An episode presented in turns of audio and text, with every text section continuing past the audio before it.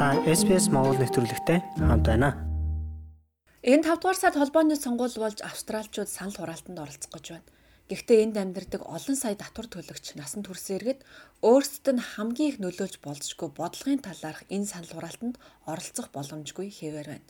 Шинэ Зеланд зэрэг улсууд шиг Австралид визтэй цагаачид сонгуульд санал өгөх цаг болсноо.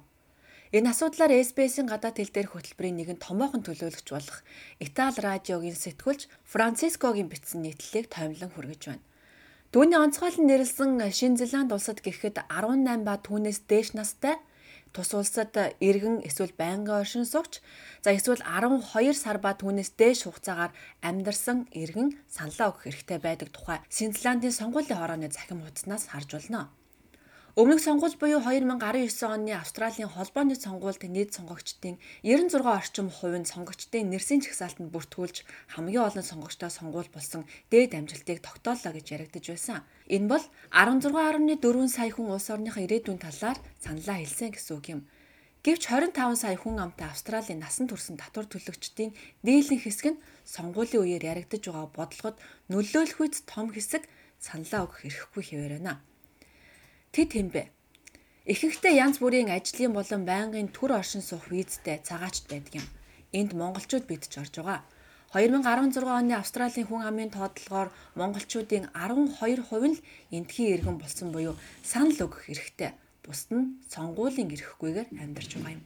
Тэгвэл санал өгөх эрхгүй ч татвараа төлсөөр байгаа хідэн иргэн Австральд оршин суудаг юм бол Сиднейд цагаачлалын төлөөлөгч Эммануэле Канигийн цуглуулсан мэдээлэлээс үзэхэд 2016-аас 17 онд 8.4 сая төр оршин суух визийг олгосон гэсэн тооцоо байна. Үүний 2.7 сая нь урт хугацааны виз гэж онцолсон гэж Кани хэлснэг сэтгүүлч нийтлэлтэд дурджээ. Харин би энэ тоог шинчлэхийн тулд Австралийн статистикийн хорооны сайтаас харлаа. Тэнд 2020 оны 6 дугаар сарын байдлаарх баримт байна. Үүнд 7.6 сая цагаачд Австральд амьдардаг гэсэн тоог дурджээ. Нэвтрүүлгийн тайлбар хэсэгт их сурвалжийн линкийг орууллаа. Энэ цагаачтын баггүй хэсэг нь 18-аас дээш насны иргэд байгаа баха. Мельбурний хуулийн сургуулийн профессор Жу Чонг Тамийн хэлж байгаагаар 2016 онд жуулчны бус төр оршин суух эрхтэй виз эзэмшигчид 1.5 сая гаруй хүн буюу Австралийн хүн амын 6 гаруй хувийг эзлэж байгааг сэтгүүлч нийтлэлтэй дурдсан байна. Эндхийн иргэн биш учраас тэд улс төрийн үйл явцад үг хэлэх эрхгүй гэж тэрээр нэмж хэллээ. Австралид улс төрийн төлөөлөл нь иргэншилтэй нэгт холбоотой байдаг нь эндээс тод харагдана.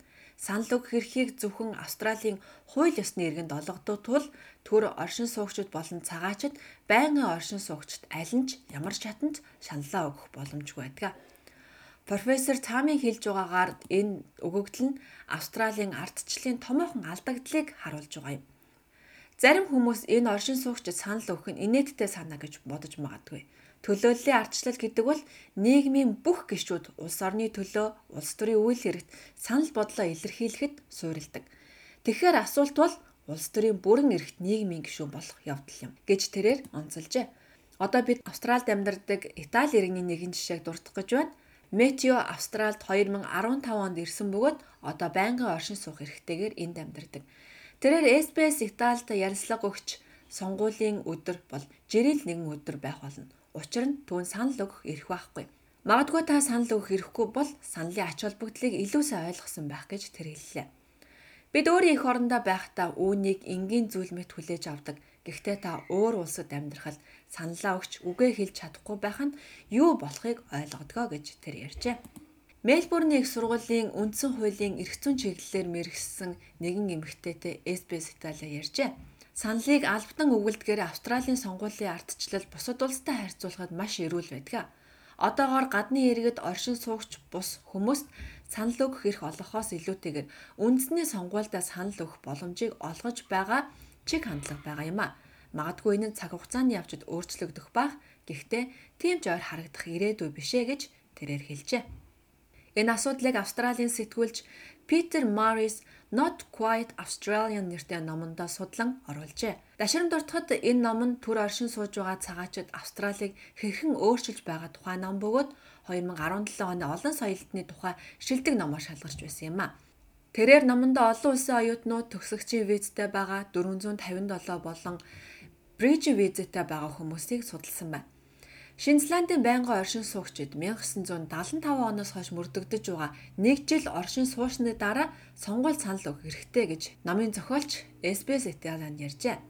Номын зохиолч Мэрис Австралид амьдарч байгаа цагаачтад зориулсан илүү сайн тогтолцоо бий болгох, ялангуяа энэ улсад амьдарч татвар төлж харьяат бус хүмүүсийн тоо өссөөр байгаа энэ цагт нэн яралтай шаардлагатай байгааг онцолжээ. Амьдралынхаа олон жилийг Австрал зориулсан ч санал өгөх эрхээ хизээч олж аваагүй хүмүүсийн хувьд иргэншил төрөх зам нь илүү тогтвортой, тодорхой байх хэрэгтэй гэж тэрээр үздэгч мөн ярьсан байна. Нэвтрүүлгийн төгсгөлд нэгэн түүхийг яри 1854 онд Баларатад Эврекагийн бослого гэсэн том бослого болж байсан. Энэ үеэр сонгуулийн эрхийн төлөө тэмцэж байсан уурхаачдын төлөөлөлгүйгээр татвар ногдуулахгүй урай лооцсон барьж байсан. Энэ бослого бол Австралийн Gold Rush-ийн үеийн хамгийн том бослого бөгөөд ардчлалд хөтлсөн гол бослогч гэж нэрлэгддэг юм байна лээ. Энэ үг бол Австралийн парламентын ардчлалын гол цөм болсон Magna Carta-гаас санаа авсан гэсэн засгийн газар төлөөлөлгүй хүмүүсээс татвар авах эрх байхгүй гэж үздэг юм байна. Та бүхэн Австралид оршин суух хөтөж энд амьдардаг монголчуудын түүх цаг үеийн чухал мэдээллийг алдалгүй сонсхийг хүсвэл SBS Mongolia хуудсыг байнга дагаарай. Австрали улсад байгаа бусад монголчуудтайгаа холбогдоорой. SBS.com-ийг юу урагшаа зураас Mongolian хуудасаар зочлоорой.